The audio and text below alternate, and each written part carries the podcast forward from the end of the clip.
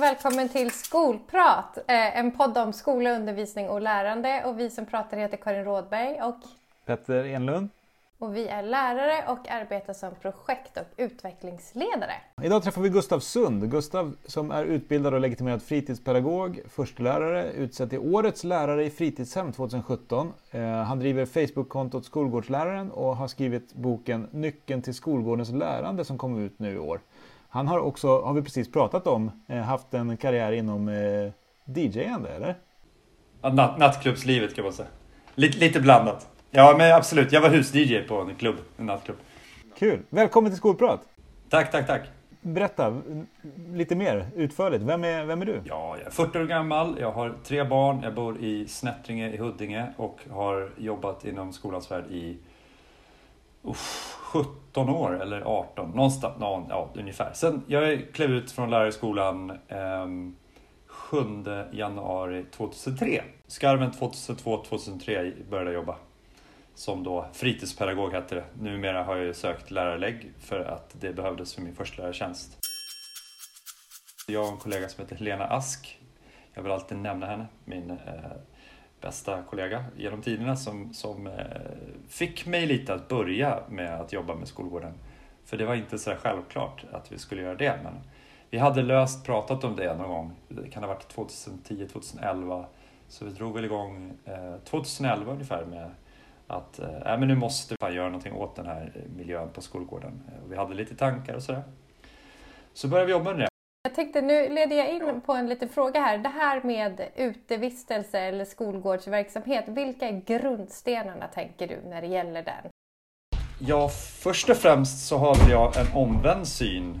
Eh, vi kan väl börja där, att jag ser ju skolgården, när barnen vistas där, när de kommer ut, det är liksom min huvudsakliga, då, då är det så online-läger. Det är som att stå, om jag ska förklara för en lärare, när lektionen börjar, när barnen tittar upp och du ska fånga deras intresse och börja din undervisning. Precis så är det för mig. Liksom, att de är i skolan för mig, inne i byggnaden, det är det där övriga, att de går ut på rast. Eh, förstår ni? För mig är de på rast när de är på lektion. Då gör de, då gör de någonting uppe i lektionen och det är säkert jättebra tycker jag, men det, det är för mig när de kommer ut, då börjar liksom min undervisning. Och det är väl det som har drivit mig väldigt mycket och fortfarande driver mig att, att ha det synsättet. Det betyder att jag håller ju lite, det kan jag inte säga att det är så mycket tid, men med luckorna när de går in. Men sen så jobbar jag, jag spänner ju över liksom 859 elever eller någonting. Liksom. Jag ser ingen skillnad så. Sen så, så är det väl ett, ett inbäddat jäkligt utmanande ledarskap i det. Att liksom leda 859 elever och vara en, en central punkt för dem. Liksom, med, med både eh, mandat och informell makt och liksom pondus eh, och bygga upp det. Och framförallt inte ta för mycket plats själv utan min verksamhet ska vara det som är starkt. Liksom. Och jag är väl den som, som är inne och pillar i det slottet. Liksom. Luft. Det är inget luft, luftslott är fel ord, det kan uppfattas negativt, men det, men det är liksom en, en, en slags eh, idébank. Det är det som är en verksamhet, liksom. det är ju någonting som bara tuffar på. Liksom. Man pytsar in saker, det är svårt att säga exakt vad det är, men, men för mig är det liksom någonting som sker över tid med, med en klar plan och en progression. Liksom. Man, man, förstår ju att varför du inte kallar det eh, för rast, utan att du kallar det för utevistelse. Liksom. Ja, det var faktiskt eh, min, han rektorn som anställde mig som hade det som begrepp från början, vilket jag gillar väldigt mycket för att det finns ju ingenstans i något styrdokument som, som det står rast, utan det står, den formella termen är liksom utevistelse. Eh, och jag vet inte, det, det finns ju ett traditionellt i skolans värld eh, ett synsätt på rasten som någon skvalp eller övrig tid. Lite som att gå och slänga papper i pappersåtervinningen för en lärare så är, är liksom att vara ute på rast med barn ungefär samma, så här, det är ungefär samma status. Liksom. Eh, vilket såklart präglar hur barnen uppfattar oss vuxna när de är ute. Och i lågstadiet är det så här 40 procent av deras tid är de ute på skolgården eller på väg in eller på väg ut eller ja, har fritids. Liksom. Och, och om vi väljer att förhålla oss till det som att så här, gå och slänga papper, ja då blir väl det lite utifrån från den, det förhållningssättet. Liksom. Så tänker jag mycket. Och det är väl därför jag är, är ute bok, alltså uppbokad i ett och ett halvt år framöver och, och har varit de senaste tre åren för, för att jag tänker väldigt annorlunda liksom, kring det. Eh, och det gör väldigt, väldigt mycket för, för alla barn på skolan om det, om det finns pedagoger som, som tänker det som är väldigt viktig och avgörande tid, liksom, att verka i ett, ett slags möjligheternas mellanrum som, som en bok heter som jag varit med i. Det är ett bra, bra term, liksom, möjligheternas mellanrum. För det, det är ju komplext och svårt också för det, det, det, det är ju en väldigt svår form av undervisning för jag, jag springer runt och fångar grejer i luften liksom, som bara sker liksom, och, och, gör till undervisning och kunskap. Uh, och det kräver, det kan ju kanske inte vem som helst begripa eller förstå. Det är ju rätt komplexa uh, saker att, att jobba med. Liksom. När folk frågar mig vad som terminsplanering och sånt, jag, bara, jag har ingen aning. Jag vet, jag vet ungefär vad som händer fram till nästa fredag eller nästa onsdag. Liksom.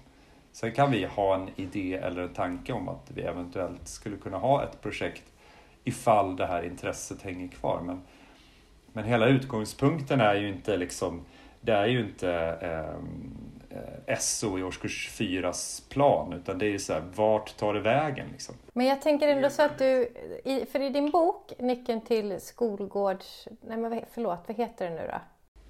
Nyckeln till skolgårdens lärare, lärande. Där beskriver du en metod för att bygga eh, god utevistelse. Så jag tänker att det finns ju ändå någon så struktur i, i det här att fånga saker i luften. För du beskriver ju, eh, och jag tyckte verkligen att det här var så eh, bra. Eh, och ja, jag, jag har tjatat om det här ganska mycket Petter. Det har ju du hört. Det var bra. Men just det här skapandet av en skolgårdskarta och att observera, kartlägga och statusbedöma lekzoner eh, bara egna erfarenheter och eh, så här, min lillebrors eh, son som alltid hamnar i trubbel varenda rast. Liksom. Där har de ju inte på något sätt statusbedömt lekzoner på den skolan tänker jag eftersom han hela tiden eh, hamnar i grejer. Så, det är så viktigt, så kan du berätta om det här och hur gör man? Och, och vad, de här hotspots och coolspots och wow-ögonblicken som du skriver så fint om i boken. Kan du liksom utveckla det så våra lyssnare förstår grejen med det. Nej, men jag är ju väldigt visuell. Jag har ju ritat upp en karta i ett eh, program som släpps i höst. Det är väl typ som en powerpoint-fil. Eh, så tittar vi på den. Det, det, är väl också ett led i, det, det är ju liksom ett handledningsmaterial. Jag använder inte den jättemycket dagligdags längre för den har vi jobbat med de senaste två åren så att, så att vi är liksom förbi det. Eh, vi tar fram den vid behov men, men det är ju som en stödmodell. När du ska, om du bygger en hemvist i det, jag drar alltid så lärarparallellen. Om man ska möblera en pedagogisk miljö och du har kanske 50 ungar på din hemvist. Då är det, är det väl väldigt mycket enklare att rita en karta så att ovanifrån tänka liksom och pussla. Eller det är väl lite så också som så här, när du ska göra ett rum, alltså Ikeas liksom. Vi börjar tänka lite så här, men hur kan man göra som när du ska göra ett kök liksom. Vad, om du ska förklara, alla ska titta på samma miljö så att det blir en, en synlighet i det. Nej men man målar upp fasta, allting som är fast. Och sen så, så finns det olika liksom, eh, symboler som är så här, men här är en hotspot. Då sätter man ut liksom en eldsflamma. Så här, men här, här verkar det hända mycket. Så, här, så kan man ju diskutera runt det om, om det är just nu vid, vid gungorna. Liksom. Men hur gör vi? Vem ska vi ha där? Vilken typ av roll ska vi ha? Men om vi har tio personer att spela på som är ute med de här barnen. Vem ska göra vad? Och då, då kan man ju rollbesätta utifrån fyra nivåer. Det finns en som är djupdykare och det är den som oftast leder en aktivitet liksom, som, som drar till sig väldigt mycket ungar.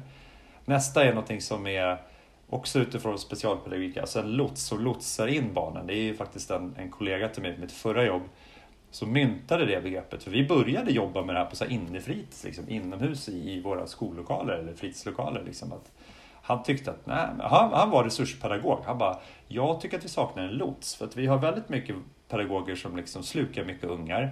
Så har vi sådana som har eh, översynen över hela, liksom, går runt och kollar. Men det är ingen som fångar upp de där ungarna som bara vandrar omkring och liksom inte landar i någonting. Hur ska vi så, mynta det här begreppet lots? Och det, det är ju begripligt liksom. Man ska lotsa in dem. Det finns ungar som bara inte, inte vill eller inte kan eller och vi upptäckte att vi hade ju, när vi började liksom observera, vi hade ju massor med, så tio stycken som vandrade runt som vålnader och bara låtsades att de vara på fritids men Alltså vårt mål är ju att få dem att upptäcka någonting, ett intresse eller ett behov eller liksom att komma in i en gemenskap med andra. Hur, hur handleder vi dem in i det? Eh, så det är väl en, en enormt viktig roll. Ja, jag tänker bara, det här det är ju en enormt viktig roll. Jag vill bara spinna vidare på det. För jag tänker ju på det som, som man kan, alltså när man planerar fritids, alltså om man, om man, om man planerar en aktivitet till exempel, då, då, planerar man själva aktiviteten kanske snarare än att man, man tittar på vilka elever har man och vilka är det som oftast vandrar runt. Och det känns som att du också har vänt på det perspektivet. Du utgår från vilka elever har vi här, vilka är det som vandrar runt, vem, ja. hur behöver vi möta dem liksom? Jag tycker det är väldigt viktigt det du säger. Ja, men för, istället för att i efterhand konstatera att men nu var inte de här sju eleverna, de deltog inte idag heller. Nej. Så har ni byggt in ett, en stödstruktur för att ja, men om det är sju elever som inte tar initiativ, då kommer lotsen att fånga upp dem och liksom lotsa dem vidare. Eh, det är väldigt inkluderande. Jo men det, det, är ju liksom tanken att, att man inte bara ska... För så ser ju många... Och jag har ju gjort den som utifrån, alltså jag, jag, skulle kunna göra en, ett häfte och det är ju folk som har frågat mig om det. Kan du inte göra ett aktivitetshäfte? Det, det, det är inte det som behövs. Vi behöver inte hundra sidor med olika saker som naturbingo och sånt, för det gör folk redan. Hela internet svämmar över. Liksom. Vad, jag gjorde ett material som handlar om vad är egentligen vi undervisar och då blir liksom innehållet blir ju sekundärt. Liksom sättet att, metoden att jobba med eleverna liksom på fritidshemmet är ju är ju det som oftast brister. Liksom. Att man bara, ja men nu körde vi naturbingo men det kom två, ja ja, då gör vi någonting annat istället. Så tänker man inte på så här, men vad, hur ska vi kunna kartlägga vad, vad är barnen? Vad dras många till? Vilka dras dit? Varför dras de dit? Hur kan vi liksom jobba med normer och värden på ett ställe istället för att gå och vara sur i kafferummet i, i, i ett halvår för att det alltid är bråk vid gungan och det är mycket konflikter. Ja, men vad ska vi klippa ner gungan och ta bort den? Det kan man göra. Det är många skolor som är där och, och gör just det. För att man inte hanterar situationen. Man gör inget liksom proaktivt för att man inte vet hur man skulle kunna göra det. Man ser det som också så här, ja men det är den här jävla tiden emellan lektionerna, vi hinner inte göra det, vi klipper ner gungan. Men problemet är, det kvarstår ju liksom. Barnen kommer ju ha konflikt, då går de någon annanstans. Om man tar bort en fotbollsplan, ja men då blir det konflikter vid gungan. Liksom. Och hur gör vi då? Vilka dras dit? Varför dras, varför dras det många? Varför blir det mycket konflikter? Jo, för MPF-unga dras dit för de gillar saker som rör på sig. För då kopplar deras hjärnor av. Det är liksom nummer ett, så här, okej, okay, hur behöver vi bemöta det? Vad kan man hitta på där? Kan, hur kan vi vara de som, som går in i det där eldhavet och liksom styr om det så att helt plötsligt vi stödleder någon slags aktivitet. Det kan vara liksom att vi gungar högt och hoppar, hoppar jättehögt på gungan ner på en, en matta. Men det är vi som står där liksom, och det är inte så att de äldsta barnen eh, som är mest taskiga står där och är taskiga mot de yngre. För det är oftast det som sker. Utan då kliver vi in i, liksom, i mitten, i kärnan och, och, och liksom omformaterar det till en spännande aktivitet som är inkluderande för många. Det är ju liksom det svåra, det är det som, liksom det som är utmaningen. Och sen veta framförallt att så här, fan, är det i skogen, är det bakom huset? Eh, och hela tiden fortsätta liksom eh, fundera över vart dras, vad är det någonstans? För det finns ju alltid hotspots på en skolgård. Liksom. Sen kan en del förneka det eller säga att ja, det är förbud, vi förbjuder fotbollsspel. Eh, jag har fått, jag har fått sådana hemska mejl från Stockholms stad ibland. Där man känner så här, jaha, där har de lite jobbat på den skolan. Där det står så här, ni, eller så här, 6F har fotbollsförbud veckan ut i Caps Lock liksom. Men du, du pratar om hotspots, sen pratar du om cool spots. Vad är, vad är det då som ni kartlägger? Vad är en cool spot för någonting? Nej, men det är vissa grejer som man, man måste ju fundera över. Om du bygger upp pedagogiska miljöer, någonstans måste man ju börja. Liksom. Och det, det är väl lite så här, men vart funkar det? Det är också väldigt specialpedagogiskt att man tittar på styrkor. Liksom. Vad, I vilka sammanhang lyckas unga? För, och det specialpedagogiska i det är väl egentligen att, att få lärare att, att titta på det som faktiskt unga gör som är bra, för det är vi inte så duktiga på. Liksom. Vart lyckas det? Vilka, vilka ställen är det väldigt lugnt på? Är det i sandlådan när de gräver? Vad fan funkar det där för? Då måste vi göra mer sånt. Nu ska vi bygga mer sånt. Liksom. Och kan vi gå in i en hotspot och vara där i tre veckor, det kanske blir till slut en, en cool spot. För vi har liksom, eller är det Kingruta som blev väldigt cool spot? För vi målade upp åtta stycken Kingrutor och vi var med barnen och spelade och, och i samspel med ungarna utvecklade ungefärliga ramar och regler för, för hur man gör. Liksom. Vi satte inte upp det på en, på en eh, laminerad lapp och sa här är reglerna och så gick vi därifrån. Det gör ju många vuxna också. Och som tror att barn inte utvecklar leken utan man måste ju vara med i några veckor och se vad är det de gör? Vad vill de göra? Är bäst spela med fötterna? Ja, men hur gör ni då? då? Är alla med? Förstår alla reglerna? Liksom? Det är det som är att vara pedagog. Skillnaden att vara pedagog och polis är just det. Ett wow-ögonblick skriver du också om. Vad är det då? Jag kan ge ett exempel. Eh, jag hade en väldigt sådär flott, fin skola på eh, Norrmalm, tror jag det var, som var på studiebesök på mitt förra jobb och, och skulle kolla på skolgårdsverksamheten.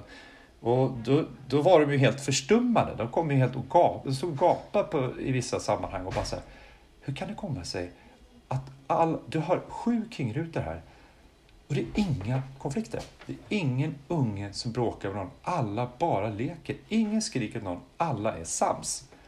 Och det är en skola som var väldigt flott och fin. Alltså namnet tänker jag inte ens nämna. Men då sa jag att ja, det beror ju på att, så pekar jag på min kollega jo, Jonas. Bara, Jonas har varit med här och jag har varit med här i säkert två månader. Konsekvent varje rast spelat kring med barnen, diskuterat tagit lite regler, gått ut i klasserna, så här, men här tyckte ni si och här tyckte ni så, försökt att liksom eh, över tid skapa en slags norm och en slags liksom samstämmighet i så här, men vad vill vi göra? Vi vill spela så mycket som möjligt. Ja, men hur får vi till det? Alltså, det har gjorts ett arbete. Det är, och det är oftast det som inte är så synligt. Liksom. Hur får man någonting att funka? Där är ju skillnaden. De, de har ju bara stått och sett att de har tre kingrutor och där är alltid bråk. Så att de har förbjudit king. Så, så att... Eh, och det är väl ett wow, det var väl ett wow-moment för dem, det funkar bra här. Och då, har, då ligger det någonting bakom. Då ligger det liksom en, en medveten insats på en yta. Ett wow-moment i klassrummet kan ju vara att det liksom alla bara liksom gör...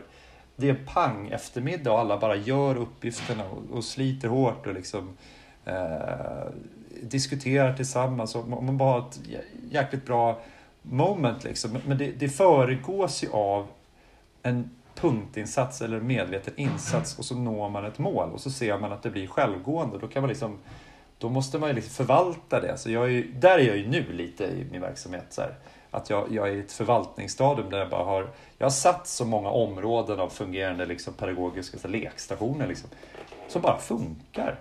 För jag har varit där, tagit tag i dem en och en i taget och så här, men där gör de så. Barnen bara vet. Liksom. Det är som att så här, du tar en buss, du står i en kö till en buss, alla vet hur det funkar. Liksom. Och precis så funkar det i min utemiljö också. Liksom. Oavsett hur gammal du är. Hur många är ni som jobbar med, med det här på, på din skola, där du är nu? Eh, det är jag och min kollega Mohammed Conte eh, som primärt jobbar med det. Han är min sidekick i jobbet. Så att vi är liksom helt eh, vigda åt eh, skolgårdsverksamheten. Vi jobbar liksom som Bill och Bull. Eh, kommer, ja, går väl lite annorlunda tider sen, men men vi är ju liksom, jobbar i par där och bygger miljö, diskuterar oftast liksom fortlöpande i verksamheten. så här, men, men fram till nio varje dag så, så, brukar vi samtidigt som vi bygger och konstruerar saker diskutera oss fram. Sen så är det ju alla mina fritidskollegor är också väldigt duktiga på att liksom komplettera verksamheten och är ute i princip alltid. Eh, och även en del lärare börjar komma ut emellanåt också. Ja. Men och visst är det så att jag har läst förut att du använder elever som, eh, som eh, på, ett, på ett positivt sätt. Alltså du, du släpper in eleverna i det arbetet att sätta igång sina kamrater. Alltså använder dem som resurser för varandra. Oh ja, oh ja, oh ja. Eh, det är lite kul nu, den här våren har det varit så här, då har jag kört flera grejer för de, de, det börjar ju lite så, det blir lite så här ringa på vattnet effekt. Att någon börjar komma, eller jag kan säga så här, för att dra det från, från början. En kille sitter med tre Rubiks kub i liksom mars på en bänk. Han är lite ensam, har, har inte så många kompisar, gillar Rubiks kub. Och så kommer en annan och frågar vad gör du? Ja, det här är Rubiks kub. Och det har varit helt dött jättelänge. Och så börjar han köra Rubiks kub. Eh, och så börjar en till. Så vi ser att här finns det ju någonting. Det kommer ju börja hända här liksom. Han har hittat ett liksom, medel. Så får man tycka så vad man vill om att ta med sig saker till skolan. Men en Rubiks kub är någonting man går runt på. Eh, vilket gör att han säger till mig, du kan vi inte anordna en Rubiks kub-tävling? Och säger fan det är klart vi ska göra Rubiks kub-tävling, det gör vi nästa torsdag. Och så, så är det två, tre, så är det tio stycken som har Rubiks kub och sen köper 20 stycken i fyra. De har upptäckt också Rubiks kub. Det finns olika modeller, det finns trianglar och liksom.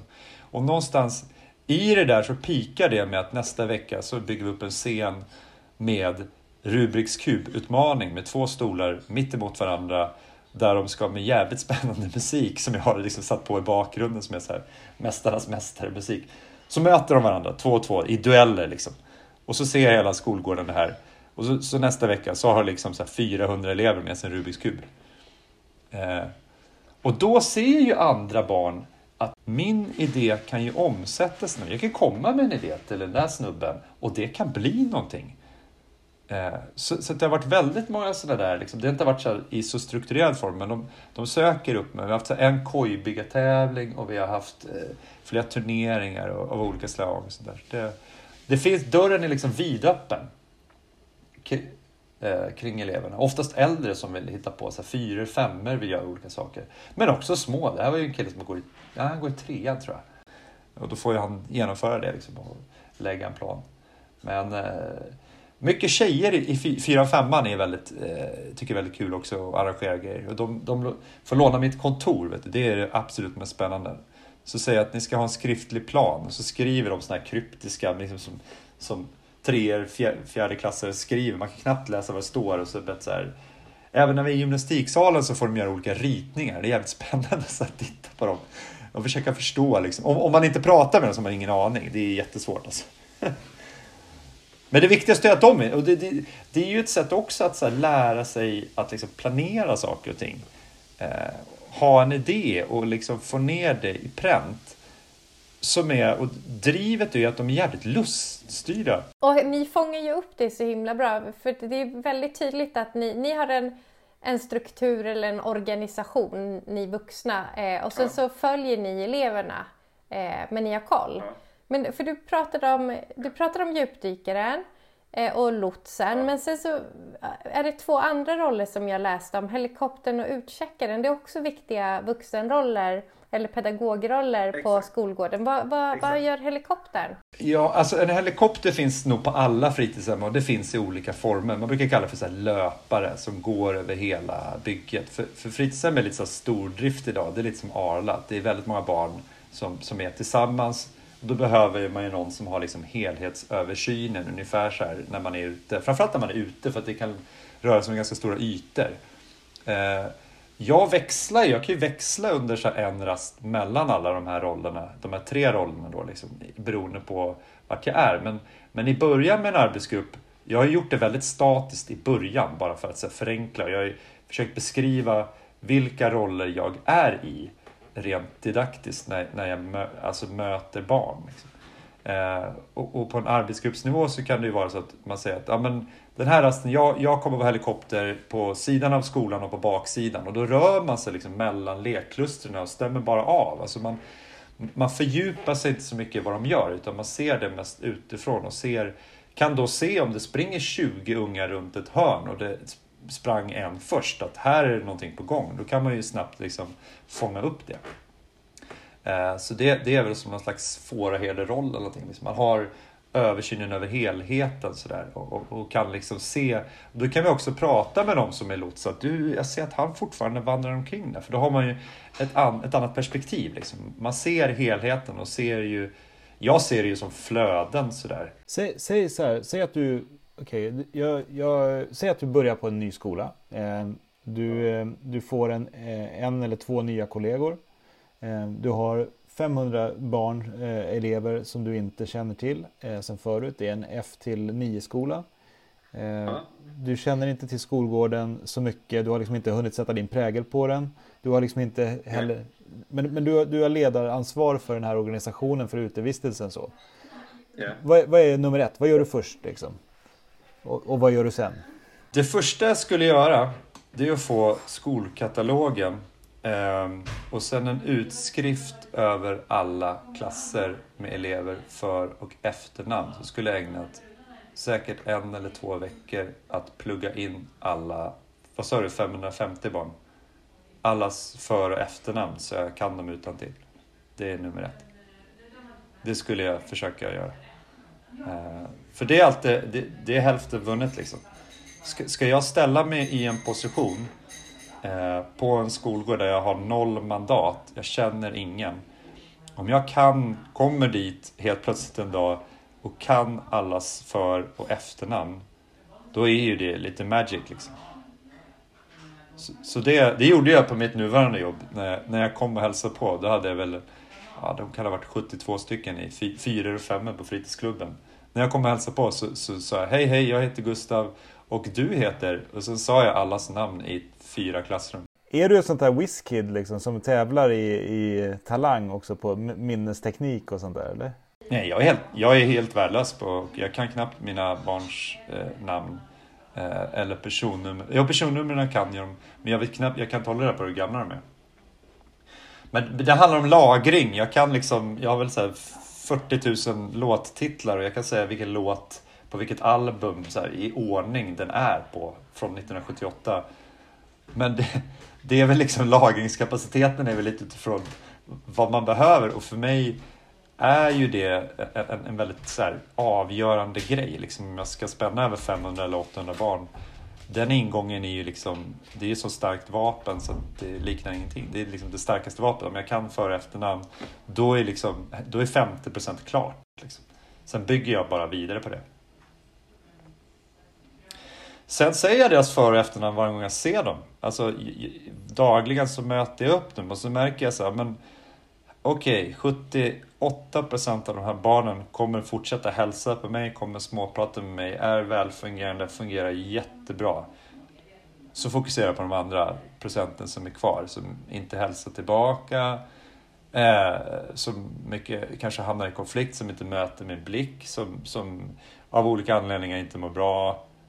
Och sen, sen jobbar jag med de resterande då, eh, ja, 22 procenten eller 23 procenten närmsta året. För de andra är ganska självgående. Och, och de övriga 78 procenten, de kommer se mig jobba med de här 23 procenten väldigt aktivt. Och de kommer också börja följa mig mer och, och jag kommer börja få så informell status för att jag kommer lära mig att hantera dem som de tycker är jobbiga i klassrummet. Ja, det låter ju... Ja, men vi pratar om relationer här, vikten av goda relationer. Det är som ett återkommande eh, tema i alla våra intressanta samtal som vi för med skickliga människor runt om, verkligen. Du har vann ju också ja. nyligen ett pris, Gustav. Det är Svenska barnidrottspriset. Va varför tror du att du vann just det priset? Och grattis såklart, men varför, varför vann du det priset, tror du? Ja, det vet jag ju. jag har läst, läst nomineringen. Um, nej, men alltså jag tyckte det var jättespännande med, med alla andra nomineringar. Framförallt, jag läste de där nomineringarna för ett halvår sedan när, när jag blev nominerad och tänkte shit vad kul om den där eh, handbollsföreningen för rullstolsburna vinner. Det vore ju superfett. Eller de andra liksom där det är så här, eh, i, liksom, områden där, där det bor mycket eh, ungdomar av utländsk bakgrund startar upp liksom ideell förening. Alltså det var ju fantastiska bidrag. Så jag tänkte I'm out liksom. Eh, men så ringde de upp och eh, så berättade Claes Östberg varför jag vann det. Och då sa han, han sa framförallt så att du når ända fram dit vi vill. Eh, och är också ute och pratar runt om i Sveriges skolor där alla barn går till och spenderar så mycket tid ute på en skolgård. Dit når inte föreningslivet. Du har liksom gjort det som föreningslivet inte riktigt lyckas med.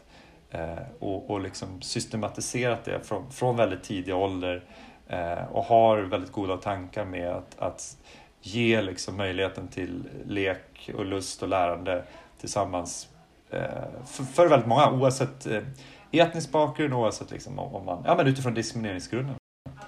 Eh, så att det, det var väl väldigt hedrande och fint liksom, att få det priset just utifrån det. Eh, utifrån barnkonventionen är det ju framförallt. Liksom. Men du, tre alltså vi brukar avsluta våra poddar med att man får ge tre, man skickar, skickar med styck, tre stycken av de bästa tipsen man har till pedagoger som vill utveckla det som, som experten har pratat om. Och i ditt fall då är det ju skolgårdsverksamheten och utevistelsen. Sådär. Vad, mm. vad är dina tre bästa eh, att skicka med? Man tar en stor murbräcka och så tar man sats två stycken och så, så sån här som man har med när de ska eh, slå sig in i ett brinnande hus. Nej, skämt åsido. Men man, man sparkar upp dörren till rektorn och säger typ nu, nu, nu är det dags för oss att, faktiskt eh, göra någonting åt den här eh, skolgården. Vi har en idé och det ska vi göra kanske i mars, april. Liksom. det, det är väldigt svårt att så här, komma och ställa krav. För skolan löper liksom från augusti. Då hälls det ut någon slags cement så stelnar den liksom någonstans i augusti. Sen är det kört. Eh, så det är väl nummer ett, att, att man pratar ihop sig flera stycken, gärna två eller tre. Och, och, och har en idé. För det är, det är sällan rektorer säger nej när, när pedagoger kommer och vill göra något djärvt utmanande för en hel skolas unga. Liksom, på ett ställe där man uppenbarligen oftast har bekymmer. Så det är väl nummer ett. Så här, och, och prata med, för det är alltid skolledarna som avgör sånt. Liksom, att hej, vi vill rikta om våra tjänster mer åt det här hållet. Vi behöver ungefär så här mycket tid. Så får man inleda någon slags förhandling i mars, april, maj.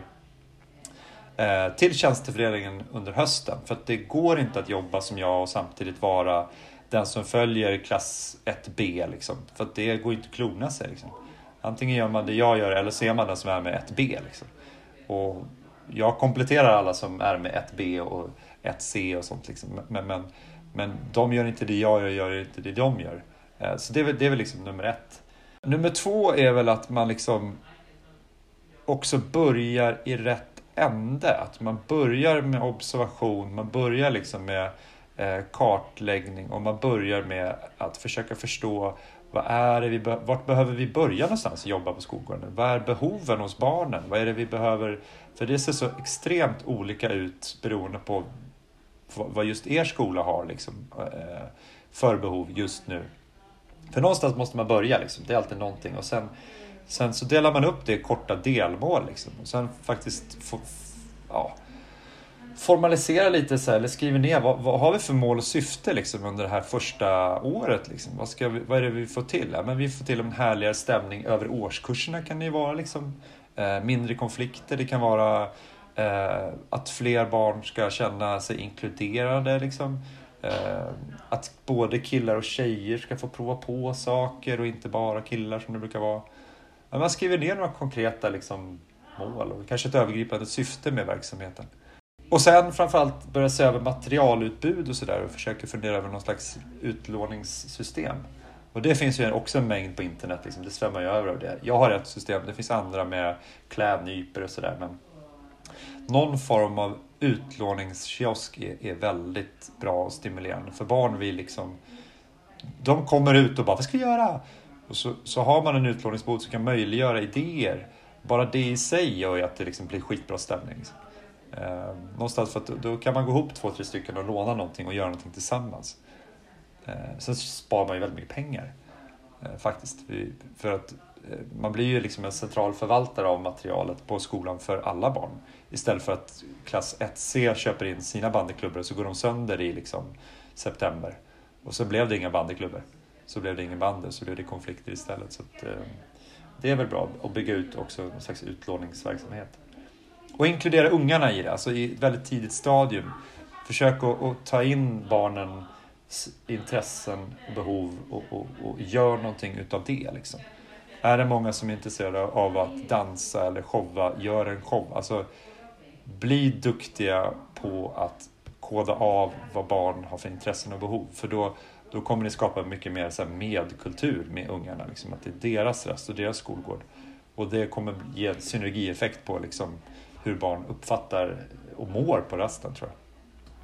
Alltså vilka kloka ja. tips och eh, vilket härligt samtal. Jag känner ditt engagemang, vi ses ju liksom eh, via eh, en skärm nu så vi sitter ju inte i samma rum men jag känner liksom det ja. ända hit i, i köket i Stureby så att jag eh, ja, jätte, jätte, tusen tack för att du tog dig tid att prata med oss Gustav. Stort tack för att du tog dig tid. Jätteintressant. Ja, tack själva.